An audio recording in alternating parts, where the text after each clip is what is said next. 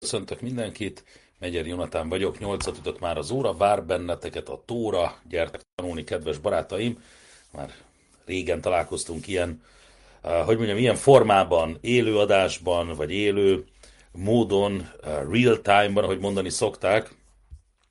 Most már egy pár napja nem tudtunk találkozni, ennek igyekeztem, egyébként uh, nincs lelkismert fordulásom, mert igyekeztem kellő mennyiségű tartalommal szolgálni, hogy ne maradjatok Megyeri Jonatán nélkül, úgyhogy ha úgy tetszik a háza feladatomat elvégeztem, de hát azért az élő beszélgetés varázsa az, és ma azt gondoltam, hogy ma különös figyelmet fogok fordítani a beérkező kommentekre, úgyhogy ha van kérdésetek, akkor kommentekbe írjátok, most igyekszem figyelni, igyekszek figyelni a kommenteket, és szép estét kívánok Zoltánnak, Gabriellának, itt van Solyom Zsuzsi barátom, itt van Zoltán, itt van Edit, Gabriella, tíme, a Majoros tími, Varga Zsuzsi, jó estét kívánok Zsoltnak, Szilárdnak, és annak a több mint annak a több mint 90 tanulótársnak, akik már itt vannak velünk ma, László, József, Pál, Ráhel, csupa ismerős név, ismerős arc, eh, hogy mondjam, a kemény mag, szép jó estét kívánok Annának, Ildinek, jó estét kívánok Máriának, Zsuzsannának, és minden kedves tanulótársunknak, aki csatlakozott, hogy az elmúlt napokban eh, főként politikával foglalkoztam, vagy foglalkoztunk, ma eh, hát nyilván adta magát a, itt van Gelencsér Ábel barátom is, jó estét kívánok, itt van János, itt van Márta, itt van Zsolt, szóval főleg politikával foglalkoztunk, ugye adta magát a, a nemzetközi szituáció, és, és jelentős részben az Izraelben zajló események, ugyanakkor, eh, ugyanakkor eh, mélyen hiszek benne, hogy a, Mélyen hiszek benne, hogy sem Izrael állam védelmét, sem pedig a békét nem pusztán fegyverekkel kell megőrizni, hanem nem pusztán fizikai erővel kell megőrizni, hanem spirituális erővel is. Úgyhogy ezért azt gondolom, hogy a legjobb eszköz, a legjobb módszer arra, hogy mi innen Budapestről, mi innen Magyarországról, vagy, vagy akár nem Magyarországról, vagy nem Budapestről, de mindenképpen a, a nem Izraelből hogyan tudjuk elősegíteni a békét, hogy mindkét fél békében legyen, úgy tudjuk elősegíteni leginkább, hogy, hogy jó cselekedetet gyakorolunk, hogy tanulunk, hogy saját, át, meg, átvizsgáljuk saját élet, életvitelünket, saját viselkedésünket, és igyekszünk pozitív elhatározásokat tenni a jövőt tekintve. Ugye 1973-ban, a Jomkipuri háború után egy a Jomkipuri háború után a Lubavicsi rebéhez, a mesteremhez látogatott, látogatott el Izrael állam akkori főrabbia, akit úgy hívták, hogy Israel Meir Lau rabbi, akinek a fia egyébként a mostani Askenázi főrabbi Izraelben. Szóval Izrael Meir Lau rabbi, aki egyébként lengyel származás volt és holokauszt túlélő maga is, ellátogatott a Lubavicsi rebéhez a Jomkipur háború idején, hogy azt követően röviddel, vagy valahogy így, és azt kérdezte a rebétől, hogy mit lehet tenni, mit tudunk csinálni, mit, mit, pardon, hogy mi, mi fog történni. Azt kérdezte, mi fog történni. Elnézést, el, lelövöm a poént. Azt kérdezte a rebétől, mi fog történni. E, és Rebe azt válaszolta, hogy nem jó kérdés. Nem az a jó kérdés, hogy mi fog történni, mert azt nem tudjuk, mi fog történni. A dolgok Isten kezében vannak. Nem az a kérdés, hogy mi fog történni, sokkal inkább az a kérdés, hogy mit tudunk mi tenni. Mi az, amit mi cselekedni tudunk. És ez a gondolat, én azt gondolom, hogy mindannyiunk számára nagyon fontos. Mi az, amit mi tudunk tenni annak érdekében, hogy béke legyen, annak érdekében, hogy meg, megszűnjön a, a, a, az erőszak, megszűnjön az öldöklés, mi az, amit mi tudunk tenni. És ugye amellett, hogy imádkozunk a békéért, ami nagyon fontos, e, de az ima akkor igazán hasznos, hogyha cselekedettel, hogyha tevőleges cselekedettel párosul, legalábbis a zsidó tanítások szerint az ima az nagyon szép és nagyon jó, de sokkal fontosabb a cselekedet. A legfontosabb igazából az a cselekedet. Mi az, amivel én, mi az, amivel mi hozzá tudunk járulni ahhoz, hogy ez egy jobb világ legyen? A válasz erre nagyon röviden az, hogy minden tőlünk telhetőt megtegyünk azért, hogy jobbá tegyük a, a világot, és jobbá tegyük a környezetünket. vagy, vagy nem ebben a sorrendben, jobbá tegyük a környezetünket, és jobbá tegyük a világot. Azaz, még több jó cselekedetet, még több empátiát embertársaink irányába, még több segítséget a rászorulóknak, még több mosolyt az arcokra, hogyha találkozunk valakivel, akkor ne szomorú arccal fogadjuk, hanem fogadjuk mosolyjal, fogadjuk szeretettel, akárki is legyen az, akár idegen, akár ismerős, hogy, hogy, hogy, hogy, hogy mutassuk az életigenlést, mutassuk az életörömet. A, a Lubavicsi Rebe szintén a mesterem egyszer a Bál Semtov, a haszidizmus alapítóját idézte, aki azt mondta, vagy ak- akkor idézte, amikor arról volt szó, hogy szintén a Jomkipuri háború idején, hogy illik-e háborús időkben vidámkodni, örömködni, e, jó kedvre derülni, stb. És akkor a Rebe azt mondta, hogy a Bál Semtov tanítása szerint, a Hasid tanítások szerint minden, ami a Földön történik, az tükröződik az egekben, az tükröződik a mennyekben is.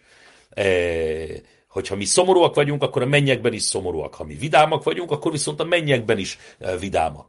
És ezért ezért, font, ezért nem, hogy, nem, hogy, nem, hogy szabad szomorúnak, vidámnak lenni nehéz időkben, hanem kifejezetten kötelesség vidámnak lenni. Azt reméljük, hogy azáltal, hogy mi szomorúak vagyunk, azáltal, hogy mi vidámak vagyunk, fönt a mennyekben is eként viseltetnek, eként viselkednek, és ez talán a, idelent is pozitív hatással lesz.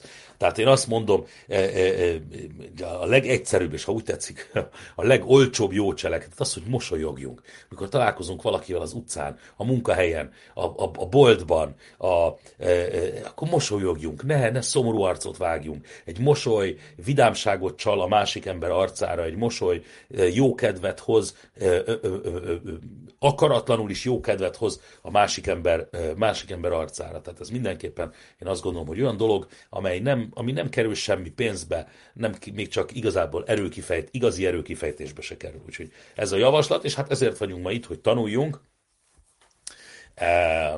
Az egyik, össze, három kérdés érkezett, ma ezekre fogok válaszolni, és ha megengeditek, akkor a tányával csak korlátozott mértékben fogunk foglalkozni ma, és aztán remélem, hogy a héten visszatérünk most már a rendes tanulási vágányra, már csak azért is, mert amit az előbb mondtam, a tóra tanulás, a jó cselekedetek mind olyan, mind olyan dolgok, amelyek segíthetik azt, hogy, hogy a világ spirituálisan is, hogy mondjam, spirituálisan is és fizikálisan is a megfelelő kerékvágányba, a béke a béke kerékvágányába terelődjön. Egyébként ö, ö, nyilván legfőképpen számomra a legkedvesebb módon Izraelben, de nem csak Izraelben, mindenhol máshol a világon, ahol harcok dúlnak, háborúk dúlnak, ne felejtjük, hogy Ukrajnában is dúl még egy, egy véres háború, a világon máshol is vannak nyugtalan területek, szóval mindenhol legyen béke, az emberek végre jöjjenek rá arra, hogy mindenki Isten képmására teremtetett, be Celemelo Kim, mindenki Isten képmására teremtetett, és szűnjön meg végre a gonosz, jöjjön a messiás, a megváltó, mert ha mi a magunk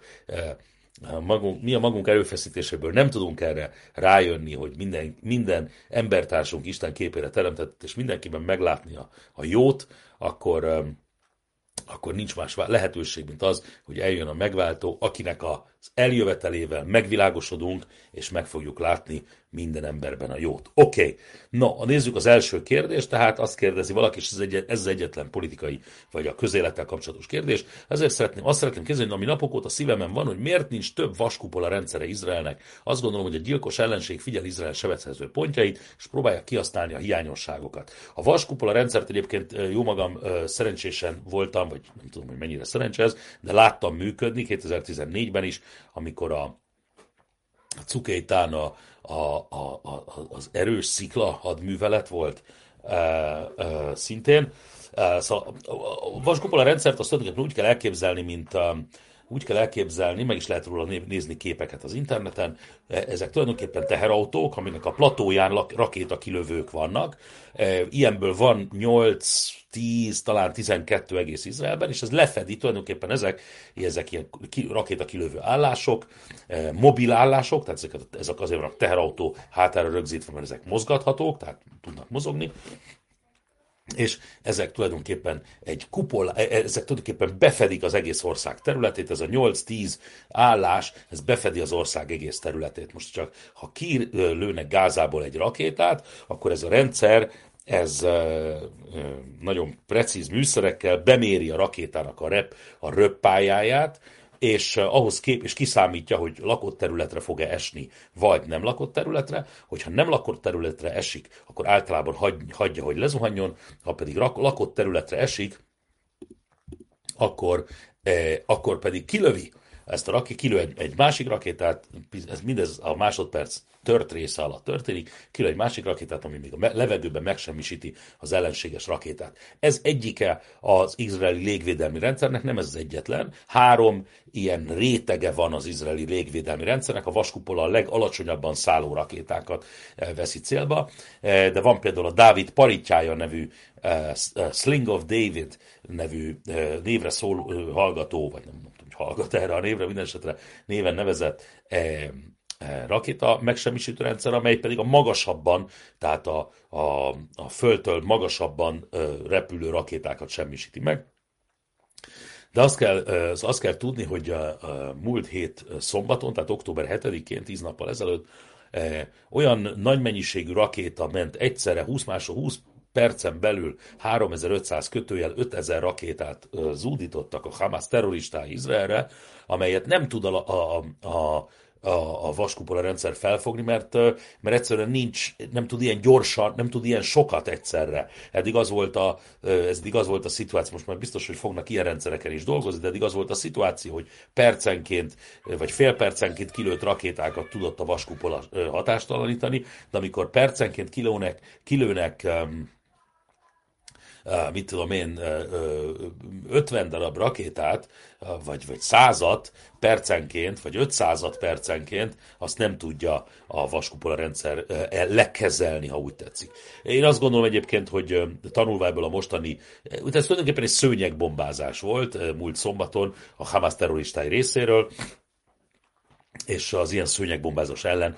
Ugye a, vaskupol az olyan, mint egy precíziós, egy precíziós puska, amely gyorsan működik ugyan, de akkor is precíziós, szőnyegbombázás ellen puskával vajmi keveset ér az ember, vagy pisztolyjal, vagy szőnyegbombázás ellen gyors tüzelő fegyverek kellenek.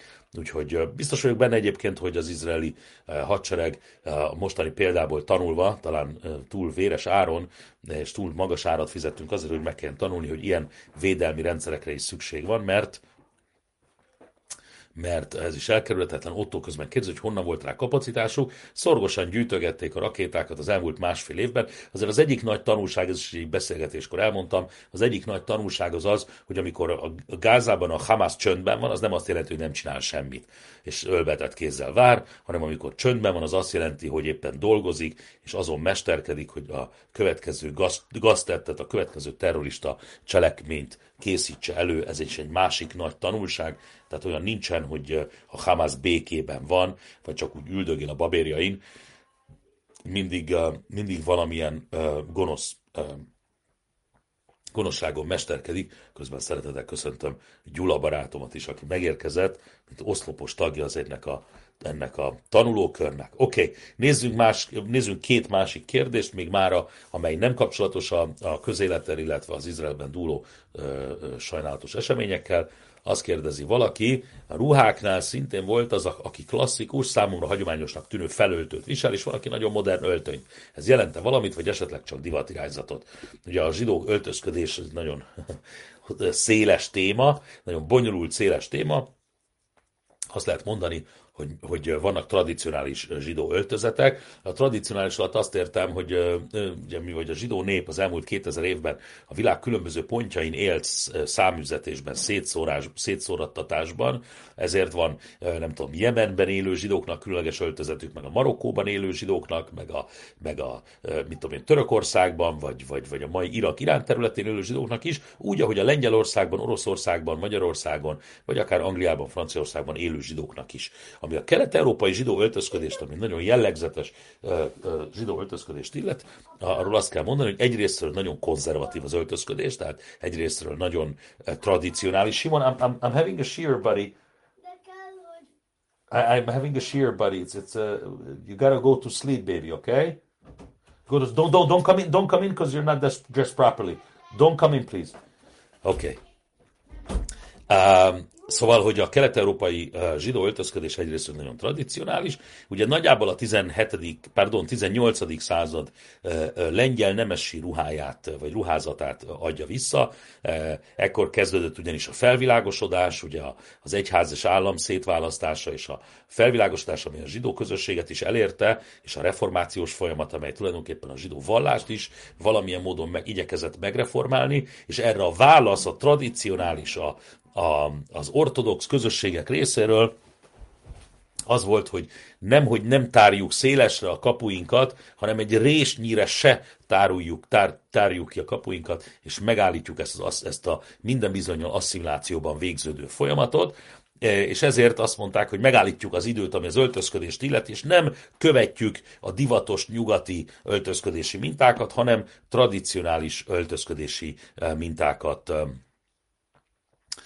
mintákat követünk. Most konkrétan, ami például a Lubavicsi irányzatot illeti, amelyet, aminek jó magam is követője vagyok, itt, itt egy félmegoldás tart, ugyanis a Lubavicsi Rebe, a Lubavicsi mesterek nem helyeztek különösebben a más Hasid irányzatokhoz képest, kevés hangsúlyt fektettek arra, hogy valaki hogyan öltözködik, a külsőségekre kevesebb hangsúlyt fektettek, fontosabbnak tartották a belsőségeket, a, a belső a lelki folyamatokat, semmint a külső e, dolgokat. De azért azt lehet mondani, hogy általában mi, Lubavicsi haszidok is, azért általában inkben vagyunk, sötét nadrágban, vagy öltönyben, szombaton kaftárt viselünk, fekete kalapot viselünk,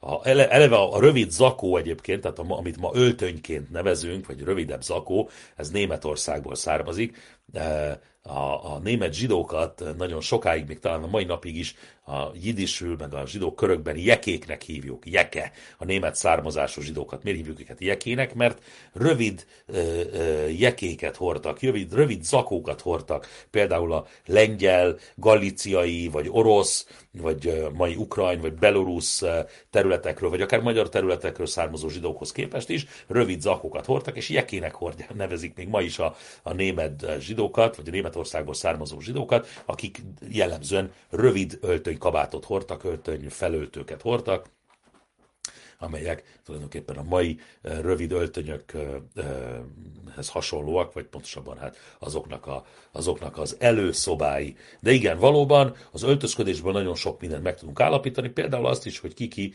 melyik zsidó irányzathoz tartozik. Oké. Okay. Az lenne a kérdésem, és itt a mai utolsó kérdés, az lenne a kérdésem, létezik-e olyan, hogy valaki nem zsidónak születik, hanem később veszi fel a zsidó vallást? Erről már sokszor beszéltünk. Igen, természetesen létezik. Ugye a, zsidó, ugye a, zsidóság, erről sokat beszéltünk, hogy a zsidóság az népe, valláse, vagy, vagy nép, vallás, vagy nemzet, és hát a válasz ugye röviden az, hogy mindhárom. A zsidóság egy nép is, egy vallás is, egy nemzet is, de, de mindegyik, de a népet is, meg a vallást is, vagy a, pardon, a népet is és a nemzetet is tulajdonképpen a vallás teszi népé és nemzeté, tehát a vallás által különböztetik meg a zsidó alapvetően.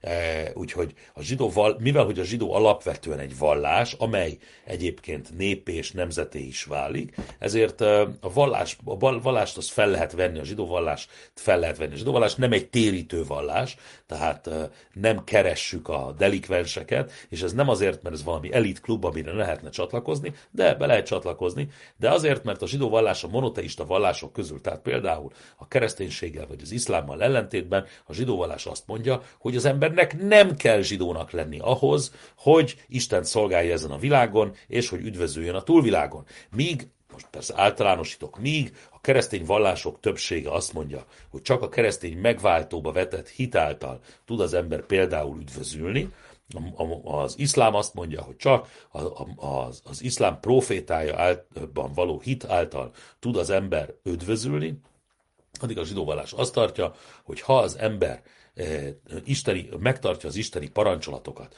amelyek a zsidók számára hét parancsolatot, vagy pardon, a nem zsidók számára hét parancsolatot jelentenek, akkor ő ugyanúgy üdvözül, és ugyanúgy a túl, túlvilági eh, érdemben részesül, mint, azok a, mint a zsidók, akiknek 613 parancsot kell megtartaniuk, és nem csak hetet. Ezért a zsidó vallás nem egy térítő vallás. Ha valaki mégis fel akarja venni a zsidó vallást, annak van egy, egy procedúrája, annak van egy folyamata, amely különbözik attól függően, hogy az illető, aki be akar térni, vagy fel akarja venni a zsidó vallást, férfi vagy nő. Ha férfi, akkor körül kell metélkeznie, a körülmetélés az egyik, az a, ha úgy tetszik, a, a bérlet a zsidó vallásban. Sokat kell tanulni, meg kell tanulni, meg kell ismerni a zsidóság törvényeit, legalábbis általánosságban, a szombattartás törvényeit, a kóserság törvényeit, a házassági tisztaság törvényeit, ezek nélkül az ember nem tud, nem tud parancsolatokat megtartani. A zsidóság ugyanis alapvetően, a zsidó vallás alapvetően parancsolatok megtartására alapszik. Hogyha nem ismered ezeket a parancsolatokat, nem tudod megtartani. Ha nem, nem ismered a parancsolatokat, nem tudod, hogy mit nem tudod, hogy milyen valláshoz csatlakozol, ha nem ismered a parancsolatokat. Tehát meg kell ismerni a parancsolatokat, ez egy hosszú, tanul, általában egy, kettő, akár három évig is tartó tanulási folyamat, amelynek a végén az illető vizsgát tesz a tudásából, és hogyha sikeresen levizsgázik, akkor elmegy a rituális fürdőbe, a mikvébe, és ott megmerítkezik, ha ez megtörtént, körül van metélve, levizsgázott a e, tudásából, és a rabik úgy ítélték, hogy nem csak tud, hanem tartani is fogja azt, amit tud, mert ugye a cselekvés az többet ér, mint a tudás. A, a, a, a tudás lényeg az, hogy az ember, a, az ember azt mennyire váltja apró pénzre, mennyire váltja cselekedetekre, akkor utána megmerült, és megmerült a mikvében, akkor tulajdonképpen ugyanolyan zsidóvá válik, mint az, aki zsidónak született, akár, sok, akár tiszta, ha úgy tetszik, zsidó pedigréje van. Ha a hölgyről van szó, természetesen a körülmetélés a hölgyeknél nincsen, úgyhogy ott csak tanulás van, illetve, illetve mikve rituális fürdőben való merítkezés. A betérési folyamat azért tart ilyen hosszú ideig, ahogy említettem, mert tanulni kell, meg kell ismerni a törvényeket. Nem tudod, hogy milyen törvényeket kell megtartani, akkor nem tudod őket megtartani. Ez az egyik dolog. A másik, hogy a, a rabbik, az a rabbinikus bíróság, amely előtt vizsgát teszel, eh, kell, hogy meggyőződjön arról, hogy mennyire vagy elhivatott abban, hogy megtartsad a vallási jogi törvényeket. E, ugyanis olyan zsidó e, sajnos sok van a világon, mert hál' Istennek sok van zsidó a világon, 14 millió zsidó van, de sajnos nem minden zsidó tartja meg a plóra parancsolatait, a micvákat, a parancsolatokat. E, úgy nem lehet bejönni egy vallásba, hogy eleve a priori kijelentem, hogy nem fogom megtartani a parancsolatokat. Nekünk olyan Nekünk olyan delikvensekre, olyan kuncsaftokra van szükségünk, akik be is fogják tartani, akik be is fogják tartani a parancsolatokat. Ez tulajdonképpen a zsidó betérés um, folyamata. És akkor végül a Tanya, a, a, a közepesek könyvének 30. fejezetének utolsó gondolata, és akkor legközelebbi alkalommal a 31. fejezetről fogunk beszélgetni. Ott pedig arról van szó, hogy a 30. fejezetnek a végén, hogy a, az az ember, aki bűnözött, ugye van egy általános talmudi diktum, egy általános talmudi megfigyelés, amely azt mondja, be makom, se báli, csuva omdim, a filucadikim gamurim, einam jacholim lámod. Azon a helyen, ahol, a, eh, ahol a, azok állnak, akik visszatértek a, a, a, a vallásthoz, vissza, bűnbánást tanúsítottak, olyan magasan állnak, ahol még a teljesen igaz, a tökéletesen igaz emberek sem állnak. Az azt jelenti, hogy a, ha, ha bűnöztél, viszont megbántod a bűneidet, magasabb szintre kerülsz, mint az, aki soha nem bűnözött. Ez kontraintuitív, ugye az első olvasatra azt gondolnánk, várjunk egy pillanatra, nekem bűnöznöm kell ahhoz, hogy magasabb szintre kerüljek, mint az, aki egész életében nem bűnözött. A valóság az az, hogy természetesen nem. A, a, az ember ne bűnözzék azért, hogy aztán majd ö, később jobbát. Az, az, az, az a bűnbánat, amely abból születik, hogy az ember azt mondja magának, hogy bű, most bűnözök, aztán majd később, meg, legfeljebb majd később megbánom, ez a bűnbánat, ez nem egy igazi bűnbánat. Ugyanakkor Ugyanakkor úgy a, a, az, az igaz hit, az igaz e, Isten iránti elkötelezettség, vagy elköteleződés, az akkor mutatható ki, hogyha az ember eltávolodik Istentől. Ugye akkor értékeled a szüleid szeretetét, hogyha elutazol egy évre mondjuk külföldre. Elmész külföldre egy évre, vagy elmész egy iskolai táborba, mert gyerek vagy, akkor anyukád szeretete, anyukád szeretete akkor akkor érződik igazán, amikor hiányzik, amikor visszatérsz hozzá, amikor visszajöttél abból a hosszú utazásból, vagy nyári táborból. Ugye? Tehát ahhoz el kell utazni, hogy az ember értékelje a visszatérést. Ez tulajdonképpen a dolog lényege. Erről beszél a Tánya 30. fejezetének a végén, az Alter Rebe, az első Lubavics Rebe. Holnap innen fogjuk folytatni, kedves barátaim, vigyázzatok egymásra. Á, apropó, holnap, holnap nem innen fogjuk folytatni, nem mondok igazat. Holnap este egy különleges meghívásban, a Scruton Kávé House-ban, vagy Scruton színpadon lesz egy beszélgetés bent az 5. kerületben, a Verespálni utcában. Ha tehetitek, gyertek. Az erről való felhívás kint van a, itt a Facebook oldalon, de élőben fogom közvetíteni, Isten adja, úgyhogy vigyázzatok magatokra és egymásra. Mindenkinek minden jót, természetesen jó egészséget, békét Izraelnek és békét az egész világnak. Minden jót, köszönöm szépen, hogy a sok jó kívánságot, amit küldtetek. Remélem mindenki mindenkiben erős a, az elkötelezettség arra, amit az elején beszéltünk ennek a beszélgetésnek, hogy, hogy még jobbak legyünk, még több jót cselekedjünk, segítsünk embertársainkon, segítsünk a közösségeinken, a családokon, és akkor Isten segít a, e, ennek érdemében Isten békét hoz a világra. Vigyázzatok magatokra és egymásra.